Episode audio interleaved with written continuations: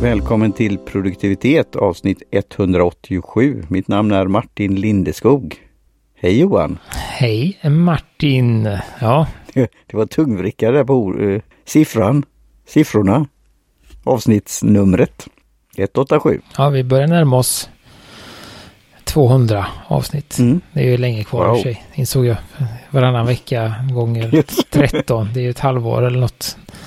Så det, att, uh, ja. det tuggar på. Vi kanske lyckas lösa det till vårat, vad blir det nu? År 6, 2016. Ja, 16, ja, fyra, ja, åttaårsjubileum kan det stämma? Oj. Ja. Det blir det va? Ja. Ja, men det hade väl varit fint om det, vad heter det, uh, inneföll ungefär samtidigt. Ja, vi får se vad vi kan göra. Vi har ju pratat lite om hur vi kan utveckla. Vi har hittat någon form av form. Hur man kan utveckla och addera. Och jag kan väl ta det direkt nu när vi pratar i greenroom om olika saker att det fick lite funderingar när jag då testade ett, ett te som vi testar nu då som jag trodde var ett annat te. Just det, förra gången det var det vi, eh, det var det som är återkopplingen att eh, den där förvirringen du hade förra gången att du gjorde detta teet först. Ja, som grönt. Men då gjorde det mer som grönt och det fick jag reflektera. Jag hade ju tänkt göra det innan då, det gröna då, men det får bli en extra bonus till nästa gång när vi startar någon ny form av serie. Reflektioner på det. Att, att det blir annorlunda när man då har temperaturen och tiden. Faktiskt. Men ändå att det finns likheter då. Så det blir som en liten serie. Ja men så är det. Så nu avslutar vi väl, eh, som jag kallar det då, eh, säsong 1 av våra miniserie. Eh, och vi kommer troligtvis fortsätta med en säsong 2. Mm. Denna, så att de kommer ju vara, de har någon form av vad heter, koppling, säsong 1 och säsong 2 som börjar i nästa avsnitt då. Den har ju varit en väldigt logisk serie med vitt, grönt och lång och nu då black eller svart te. Och det här är då ett, jag skulle vi tro att det är det finaste av dem alla va? Mm. Och vad menar man med finaste då? Är det priset eller är det exklusiviteten eller hur de gör det eller någon kombination? Om man utgår ifrån pris och beskrivning tänker jag. ja, för det finns inte alla de där bokstäverna. Nej, men det är ju för att inte. Jag tyckte det var en rolig länk där du bifogade till ett eh, te-företag som skrev det lite roligt, eh, försökte bena ut de olika Ja just det, det gjorde förra gången. Ja. definitionerna eller vad nu ska säga, beteckningarna eh, och lite hur det historiskt håller ihop. Då. Jag tyckte det var bra. Men Imperial är ju, ja, när man hör det. Och det är väl den enda kopplingen då, det är, eller liksom för att just de här beteckningarna är ju bara för, äh, gäller ju bara för koloniserade TR kan man väl säga. Som det är en äh, som vi har sagt, det var nog länge sedan vi sa det, men det är ju så att det är ju en... Eh, om man ska göra det väldigt, väldigt enkelt så är det ju ett sätt för engelsmännen att förstå te. De hade ingen aning om vad de höll på med. Eh, Nej, men, men de, de är duktiga på handel. De visste det att det, det fanns de pengar där. Ja. Och så sa de till kineserna helt enkelt att ni måste ju berätta för oss vad det är för skillnad. Kan vi inte komma på något system som vi förstår? Och då hittade de på det här med, med bladen. Som sagt och inte med teet i sig och det har ju ingenting med hur det är plockat eller hur det är odlat eller hur det är behandlat utan det är bara vilken kvalitet eller vilken det har inte egentligen så mycket med kvalitet blad, på bladen blad, utan det är mm. vilka blad man har använt ja. egentligen. Ja. Uh, så att det... Men det har ju lite med varandra att göra också. Då, så ja, Eh, det, och det är ju fritt, fritt att någon eh, bygger något. Vi har ju skojat om det i den andra podden. Finns det någon så kallat standard på allt från hål, eh, hålslag, jag på att säga, men alltså det här då med i permar, det har de inte kommit fram till till exempel. Eller storlekar då som det fick jag veta att det finns ju ett gammalt, det här med olika vikningar, det har ju funnits i äldre och andra system tidigare. Så ja. Mm. Så det, det, var en liten intressant eh, beskrivning här då. Mm. Ja, men det, det, som är med detta då det är ju, det är ju dels priset, ja. namnet Imperial, mm. Himalayan ja. Imperial Black och sen då att det är eh, ett eh, att det bearbetas helt för hand. Mm. Ja, det är ju...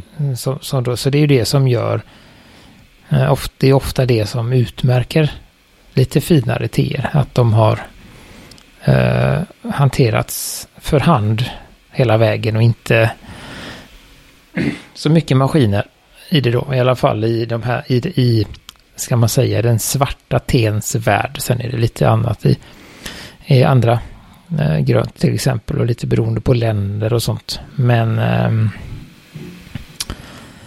eh, det är då långa, vi kan väl ta den här beskrivningen då från tekultur som detta kommer från också då. Det börjar med att det är ett exklusivt svart te från Jun Chiabari. Och om jag inte minns helt fel så var det väl där vi var förra gången också va? Jag ska dubbelkolla det här. Men eh, Jun Chiabari, jajamensan. Så det är samma plantage. Eh, men det här är då lite finare te, eh, ekologiskt eh, och långa, vridna Just. Stora blad med gott om kopparfärgade toppskott. Till och strukturen påminner lite om vissa olongteer. Då tänker de väl på formen, tänker jag på, på bladen. För det, det är ju vanligare att olong har de här stora bladen än en svart te. Eh, doften är lätt kryddig och smaken bjuder på en mild maltighet kompletterad av söta toner av karamell och kakao. Uh, och det var väl egentligen de, den sista där, söta toner av karamell och kakao som gjorde att jag köpte det helt enkelt. Och det var väl också det som, det var ju detta teet som ledde mig till att köpa de andra också för att skapa den här lilla kvartetten blir det väl, va? Ja, ja det är bra. 199 kronor hektot på den.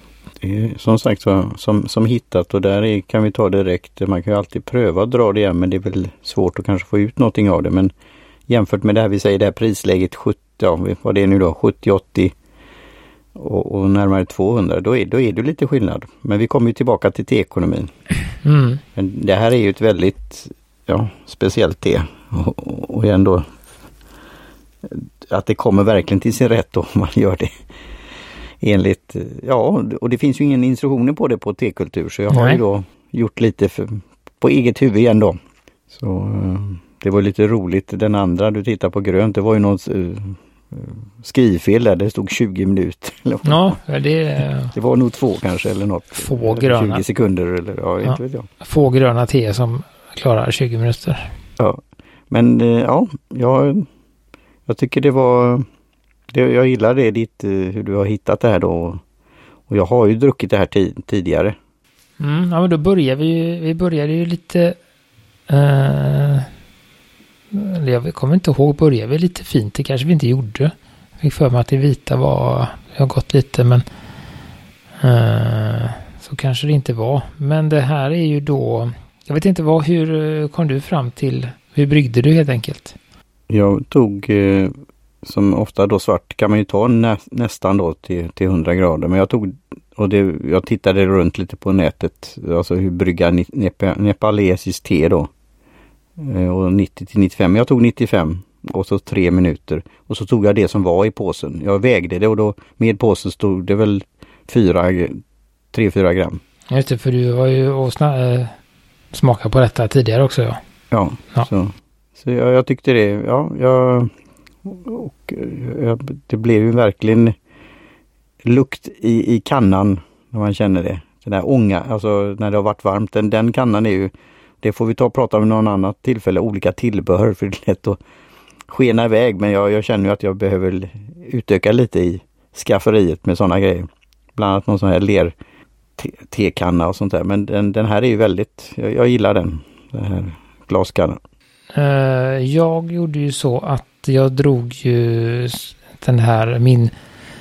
Eh, jag har ju skapat mig en schablonbild av eh, svarta och gröna teer när jag gör dem i kanna. Så att 100 grader, en minut. Och då vet jag att jag kan få ut två gånger till. Så då blir det en minut och en och en halv minut. Då vet det är jag garanterad inom eh, citationstecken. Och sen så brukar jag ibland dra en, en fjärde gång för uh, det är, uh, jag brukar ofta dricka, när jag gör två deciliter så brukar jag dricka två koppar på en dag av samma då. Uh, så så att det, det, så gjorde jag. Ja, det var intressant. Det är då, då har du det här, då har vi pinpointat när det gäller då temperaturen. Mm. För när jag, när jag gjorde det här då fast på 70 då blev det ju inte den här smaken som jag har fått ut nu då. Nej. Och jag gillar den. Jag kan säga att jag kan ju Karamell, alltså det är, inget, det är, det är inte söt, alltså det skulle vara nästan fudge eller något sånt där. Och kakao känner jag inte jättemycket heller men det är ju någon... Jag läste på en sida att eh, det är rostat. Mm. Eh, Så det är väl Okej. återigen den här lite som vi var inne på, att om det var förra teet, alltså den här eh, karamelliserade suttmannen Mm. som är lite, jag känner ju malte och den gillar men det är lite, det är lite lager så det, det mm, och jag tror att det kan bli svårare. Det är ett, eh, skulle jag vilja säga, bra val att, att gå ner lite i temperatur om man vill göra en västerländsk bryggning, om man säger så, som du har gjort. När man drar lite längre så är det bra, men när man bara drar en minut som jag har gjort så, så klarar de flesta fina teer 100 grader och ändå efter där utan att det... Så att det, det är väl... Eh, jag skulle nog inte tagit 100 grader om jag skulle dratt det så länge som du gjorde. Ja, och då kan man ju pröva 90 också. Men det, det var kul att få det här resultatet nu. Jag, jag känner ju, och det blir inte bäst eller något annat sånt. Men det har ju en litet bett. Det är ju det här jag gillar. Alltså det, jag kan ju känna att det är ett exklusivare te än Ja, men det- Och framförallt att den har, som du sa, den har ju de här tonerna, den har de här nyanserna. Kakon kommer liksom... För mig kommer kakon på slutet och det är lite den som stannar kvar. mm, Ligger lite, mm, lite på tungan det där att man har ätit. Det är en sån där... Det finns ju några godisar som är choklad som har kakopulver på utsidan. ja, Eh, vad det nu är. Det finns något. Och det är lite den ja, eh, den typen av kakor, alltså att man har haft kakopulver i munnen. Ja. Inte så Jo, mycket att det- man har ätit choklad eller att man har druckit kakao, utan det är den här lite, Det, det finns en sån som jag, en som hade en just chokladprenumeration och det var en sån box och sen var det mm, choklad från Mexiko som var i runda kakor. Och det var det sådana här nibs och, så, och det var den här känslan efteråt att det, man kände att man hade ätit, att det var kakao på ett trevligt sätt. Det var inte överväldiga, men det, man, det gav ju mer mersmak så det, ja, jag kan hålla, hålla med om det. Så det, och jag tycker ju det är just en int- intressant kombination där då med att man kan få in den här maltigheten samtidigt som man får in de här lite, ja, eh, bränt, eller karamelliserat och även kakao. Det kommer där kakao, det ligger som en liten Mm, det, positiv det stannar hinna. kvar liksom. Ja, Mm. precis. Det är det som, som blir över sen när man har svalt. Eh, för det brukar ju ofta vara så att, att eh, eller av de svarta teerna jag har druckit som är lite finare, som har den här söta kakaoaktiga och även när vi, vi hade ju den lilla miniserien där med Genuine Mei och det koreanska och eh, Kemun Mao Feng. Eh, som är ganska lika men de saknar ju den här maltigheten. De har ju mer suttman och eh, så. Så det är en väldigt, det är liksom intressant kombination. Mm. Eh, och det blir, blir en bra balans. Mm. Och det blir lite nu när du säger det, den där karamellen, alltså det kan ju både vara fudge och annat men det kan vara de här, vad heter det, blir det också produkt, men de här värt eller något sånt där som är mycket om du har su- sugit bara låtit den vara länge så känner du det sen ofta också efter att du har ätit en karamell. Eh, som eh, som ger, ger smak, som lägger sig någonstans längre bak. Så det, ja, det, är- det är en kombination. Sen är det ju då lukten då när man känner det, det är något lite rökigt, lite kryddigt. Eh, men det är ingen explosion, det är ingen, det är ingen chai, alltså så. Utan det, ja, jag tycker det, eh, det är väldigt spännande och intressant och angenämt. Så frågan är om vi pratar generellt för just dajeling och, och långteer och andra så pratar vi mycket om just att det är exklusivt och fint. Men här har vi då ett svart te från Nepal som man hittar hit. Men det, om vi skulle säga att det skriver, det är ungefär kanske som viner. Jag vet inte vilka fina viner så kallas och så kan det finnas något annat som inte är lika känt. Men blir inte omskrivet förrän någon hittar det då och kanske Eh, det kommer upp i, i pris eller blir populärt. För jag vet inte hur stor mängd, hur mycket, om man gör allting i hand, hur mycket, hur mycket produkt det kommer ut från Nepal. Det är lång väg också. ja, men det verkar ändå vara... Eh, det är väldigt många som har det. Så att det verkar inte vara alltså sådär superexklusivt och det är inte superdyrt som sagt som som uh, Oriental Beauty eller de här så här utan det är ju ändå ett ganska... För de, den här T-planen, de har ändå hållit på ett tag, så var det inte så? Det var i, var det 20 år eller var det? Ja, det var mm. ett tag i alla fall. Så de har, de har ju ändå en ganska, och sen vet man ju inte om det är... Uh, ja, jag vet, jag såg några som hade... Ja, men liksom vilket, eh, det framgår ju inte riktigt vilken, vilken årsskörd det är. Eller alltså sådär, det kan ju också påverka pris och sånt. Uh, lite hela det här då. Men uh, nej, men det, det är... Mm, det är väldigt speciellt.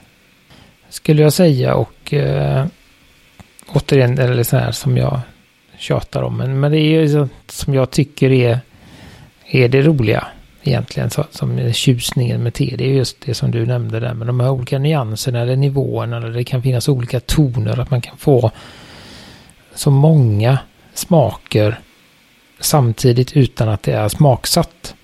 Just. Uh, det är ju det som är... Du, som du får ge, ge dig in i vinbranschen också. Där är det mycket sånt också. Mm. Tror jag. Beroende på hur det är med lagring och ofta blir det ju när det är längre. Att det är lagrat längre så kan du få ut de här grejerna. Tror jag. Så, där, så det, ja, så det blir ju det och, och jag använder ju lika mycket. Du använder 4 gram, jag använder mm. ungefär 4 gram tre skulle det bli. Men ja, jag tror att det, det var med påsen med där också så det är nog det du, så det är nog mellan tre och fyra då. Ja, där någonstans. Och sen får jag ju, när jag gör som jag får ju tre gånger på de tre grammen. Så om man nu gör våran högst ovetenskapliga delning där så är det ju då 200 kronor delat på tre. Eh, vilket är ett ojämnt tal. Ja, men det är bra. Du ger, du ger, ger en alternativ där för och då mm, blir det ju inte, då säger vi, blir det 70, den blir under 70 kronor. Mm. Mm. då, det är bra, vi kan vända och vrida på det. Och då, då, då kommer det här, och det är det här som är att det är lätt hänt och det finns ju till och med på många teaffärer att det står stämplat på eller skrivet på hur det ska dras och grader. Men här kan man då experimentera. Så, men det är ju och det, kan, det är ju säkert också när du pratar då med Albin på T-kultur och andra. Och, eh, så kan du få guidning och sen får, kan du titta runt lite själv och lyssna på oss till exempel. Så Jag tycker det är bra med det, det du gör där. Men jag tror inte Vanligtvis så skulle nog inte många tänka ja, en minut 100 grader och jag kan dra flera gånger på ett svart te. Om det inte är en indikation på det. Utan kanske gjort mer som jag har gjort då. Men, men då får du ut, ja det, det är ju då blir det en annan te-ekonomi på det då. Och det, det, som är intressant här är ju att det funkar ju bäst på de teerna som är lite dyrare. Ja, Så för det, har jag liksom kvalitet. Hittat ett, ett, ja. Finns det några sådana, jag vet inte vad det heter, eh, som sticker ut från mängden där man hittat, det här vi har pratat om, det, där det finns teer som, som, som av någon anledning inte kostar så mycket men som ändå är, har en väldigt hög kvalitet. Till exempel då det här, nu vet jag inte vilket DVI var, men jag, det jag kommer ihåg mest är ju det här Kemen Maofeng eh, som vi har druckit. Jag vet inte vart ifrån det vi drack kom, men där blev jag ju förvånad när jag första gången drack eh, det från House of Tea. Och det kostar ju 79 kronor tror jag. Eh, och eh, jag tror att det är 70 gram. Så det, det, blir ju det blir ju 112 kronor. Ja, det blir inte så. Det blir inte så. Det kändes billigt när det kostade 80 kronor bara. Men, då blir det ju ganska i, liksom, i sammanhanget billigt. Eh, 112 istället för 109. Men, men just att det där var ett sånt det som var förhållandevis billigt men ändå väldigt bra. Eh, och, men annars, när man köper enklare teer så är det bättre att göra så som du har gjort. Eh, så, så det, det, det, på något sätt så är det, ska man säga, blir den ungefär lika dyrt oavsett om man köper ett billigt eller dyrt te inom viss eh, sådär rim och reson såklart. De här 300-400 kronors teerna är ju svåra att få ut eh, så många dragningar så att det lönar sig, eller ska man säga. Eh, men på ett, ett, till exempel ett vanligt svart te som, eh, som kostar 70 kronor för täckt då. Där är det ofta är det en dragning i majoriteten av fallen liksom. Sen, de som kostar 120 till 200 kronor är, är majoriteten att man kan dra tre gånger. Uh, om man gör den här mellanvarianten som jag gör då. Uh, så, så att det blir det ju uh, ungefär samma för koppen. Ja, och det är det här som jag tycker är intressant med dem. Vi pratar om engelsmännen och handel då. Nya T-regioner som väldigt eh, ja, good value för pris och bra, bra kvalitet och smak och så också. Så, men sen är det då, ja, det, ta i trä, vi hålla tummarna att det här Kaffe pratar man ju mycket om när priserna går upp och olika sånt där och det, det kommer säkert kunna bli det, öka för tehandlarna och så. De måste ju täcka kostnader och få lite marginal och sånt där. Och Det nämnde Albin också när jag valde ett eh, te från Junnan. Att, eh, att som var så kallat finare var billigare än något annat då. För att det var olika då med, med supply och demand och, och, och prishöjningar kanske just då. Så det får man ju vara beredd på också. Men tar vi det igen då, vi kommer tillbaka till teekonomin, att denna dryck generellt är ju väldigt prisvärd. Att, att unna sig och njuta av en, en koppa. Kappa. Ja, det är det. Och sen är det väl lite som, det är väl lite tråkigt också som allt annat när man ska prata liksom bara ekonomi och ekonomiskt värde om det är liksom lönsamt att dricka det. Eller vad ska man säga? Sådär. ja, ja, då får vi ta alla fördelar med att Så är det ju liksom mer som mm. jag pratar om och det är därför eh, jag har eh, som jag sagt gillar en lite finare teer. Det behöver inte vara dyrare, men oftast är de det. Men det behöver inte vara, det är liksom inte så att jag är på de här eh, champagne för 6000 kronor flaskan och sånt. Det är inte det, utan den här upplevelsen man får med att känna de olika smakerna och eh, så här, det är ju det som jag tycker är intressant och då, då blir det inte alltid eh, man är eh, som inte, alltid inte alltid en ekonomisk fråga. Sen är det klart att, att, att det, det, är ju, det är ju relevant hela tiden. Men, men jag kan ja, det det. tycka att det är, för mig, när jag så köper jag hellre till exempel det här då. Ett, ett halvt hektar av det och så har jag det ett tag och, och, och dricker det än, än, att, än att ha eh, skåpet fullt med eh, gula tepåsar i 50-pack som bara ligger och alltså sådär då, då är det då gör jag så att då går jag, eh, köper jag det är väldigt ovanligt att jag köper så många till er som gjorde fyra stycken men det blev ju för att bygga en liten serie till podden också men jag köper kanske två eller max tre stycken och så eh, varierar jag dem eh, och försöker hitta variation i pris och vad jag gillar och sådär men, men eh, Ja men det blir som testund, det är ju precis som Vin, det finns ju väldigt bra vin till bra pris också, olika som sagt var marknader och länder. Men där pratas det ju inte så mycket om en, en flaska kostar ett Nej. par hundra. Och sen är det väl det klassiska exemplet också. Det är liksom nu när det framförallt har blivit dyrare att gå på café. Ja, just. Så, så är det ju liksom väldigt mycket billigare att, att köpa det här och dricka hemma än att gå till ett café där de i många fall har betydligt sämre te. Jag ska inte säga att alla kaféer har det, men det finns en, ett flertal kaféer, i alla fall i Göteborg, som har en, vad jag skulle vilja säga, bristfällig kvalitet på teet. Eh, de har, vad heter det? Eller förbisedd Potential kvalitet. för framtiden. Ja, men precis sådär. Så att, eh, och där är det väl ändå en 40 kronor för en för en kopp och det är inte alltid, är inte alltid man får påfyllning och det är inte alltid det är möjligt med påfyllning och lite sådär. Och så att sagt, det blir svårt att prata om det i liksom en isolerad ekonomisk just. lönsamhet eller vad man ska säga. Ja, vi gör ju det här för att just att man ska njuta och testa te. Ofta kanske solo men kan också kanske i ett sällskap också. Sen är det ju en trevlig, det är ju som jag eh, nördat in mig på det här, in mig på det här eh, vad säger man, begreppet third place, alltså mellan hem och kontor eller vad det nu är. Just att café har en viss... Ja, men det finns ju ett annat värde i det. Där är det ju inte... Men det är ju det vi, vi pratar här. Vi är ju ändå lott, lyckligt lottade just när det gäller teutbud i Göteborg på ett sätt jämfört med andra. Men sen har vi sett att mindre platser kan ju verkligen ha fina tebutiker. Och det, ja det slänger bara ur men jag såg något i flödet om eh, Paper and Tea. Mm, som eh, äntligen som gör skäl för namnet. Ja.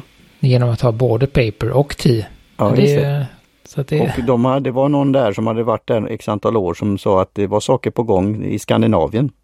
Det är ju trevligt. Ja, det är trevligt. Så jag sa hör av dig och så pingade jag dig där så får vi få se. Ja, du pingade mig. Ja, ja, jag har uh, inte På LinkedIn varit... tror jag det var. Ja, jag har inte varit tillgänglig så... på sådana tjänster under Nej, det, denna det helg. förstår jag. Det är helt okej. Okay. Men det, det är lite roligt. Mm. Uh, ja, men det hade varit kul. För det är ju, ja. För, och det kommer till det här med Creative Mornings som är väldigt upp med kaffe för det har blivit som en grej och så. Ja, jag fick och det här med team, team meetup som det finns ett behov av det också. Um, så vi grunnar lite vidare på det hur vi kan hitta Men jag kan väl avsluta, ja. avsluta med, jag fick en tanke bara, men just det där att det känns ju lite som i att vi i Sverige när det gäller kaffe har hamnat på samma grej som de har hamnat med när det gäller te i England som vi pratade om för länge sedan. Att det är väldigt, det är väldigt mycket färre engelsmän som bryr sig om te. Mm. Men de dricker ju te ändå för att mm. det ska de ju göra som engelsmän. Det är ju en del av deras arv att dricka ja. te. De är kända för att dricka te och då måste de göra det. Ja. Men det finns inget intresse egentligen som det fanns förr i tiden då, utan det är bara det är för att upprätthålla bilden av sig själva.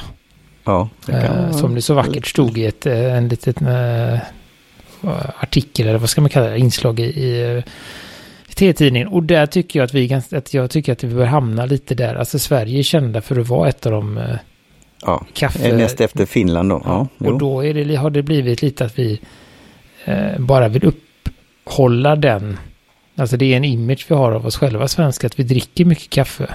Men jag skulle väl vilja påstå att det dricks, dricks ganska mycket dåligt kaffe i Sverige också. Ja, Bara nu sticker du riktigt äh... ut hakan, men det, det stämmer. Samtidigt så finns det väldigt mycket då nya just kafferosterier och kvalitet och de försöker ta sig in på marknaden men det är den stora konsumtionen. Och jag gillar ju då, det är som jag brukar prata om den här dokumentären, alltså i sig då fascinerande hur man då blandar en, en tepåse med, för att få den där teet som du är van vid. Den, den dokumentären var ju väldigt fascinerande att se det och jag gillar ju sånt form av te också. Eh, eller det här som, som produktplacering Yorkshire teer som har gjort mycket för te i sig. Eh, och hittat sitt Builders te och, och fått den här emoji te, tekannan. Den kom ju in tack vare dem till en viss del. Så det, Ja, nej, det, det, är spännande men jag håller helt med om din analys. Det är lite, lite roligt. Det är tur att vi inte har så många lyssnare då för då kan vi liksom komma undan med sånt. ja, men då kanske får det då så att eh, vi får lite, lite debatt. Vi pratade ju om det innan i Green Room. Mm, det kanske blir nedlagda av någon eh, eh, ambassad innan, ja. vi, eh, innan vi breakar. det är möjligt. Ja, på tal om det, vi kanske ska säga något om Turki, Turkiet. Ehm, de är ju på topplistan när det gäller te. Producent, producent och konsument. Men det är inget jag har druckit. Ehm, vad jag vet. Och det är inget jag kommer åka till för att dricka mm, Nej, det finns det heller. Som det är nu. Ja, nu har vi lagt ett, ett, i debatten här. Och det, jag kommenterade på Albin, det kan vi också få record. Han hade en, en, där det stod rysk te så jag frågade är det från Nej det var namnet då för att krydda den här Russian Caravan, Caravan eller kryddblandningen. För det är ju där vi har fått lära oss. Det var ju faktiskt från eh, indiska te och kaffemagasinet just att det var från Jorgen till stor del. Fast det hette fortfarande det då. Men, men det är kanske inte då, det har en viss klang nu om man säger så. Ryskt. Ja men precis, det finns ju, det finns ju, det blir ett långt avsnitt där, men det finns ju ryskt te som är från Georgien. Och sen så finns ju också det här eh, som kallas för ryskt, till exempel Russian Earl Grey eller Russian, Ja, som har med ryska namn. Och det är ofta, Mm. eh, och precis, och det är ju den att de färdades från Kina till Ryssland på sina eh, hästar, åsnor och allt vad de hade.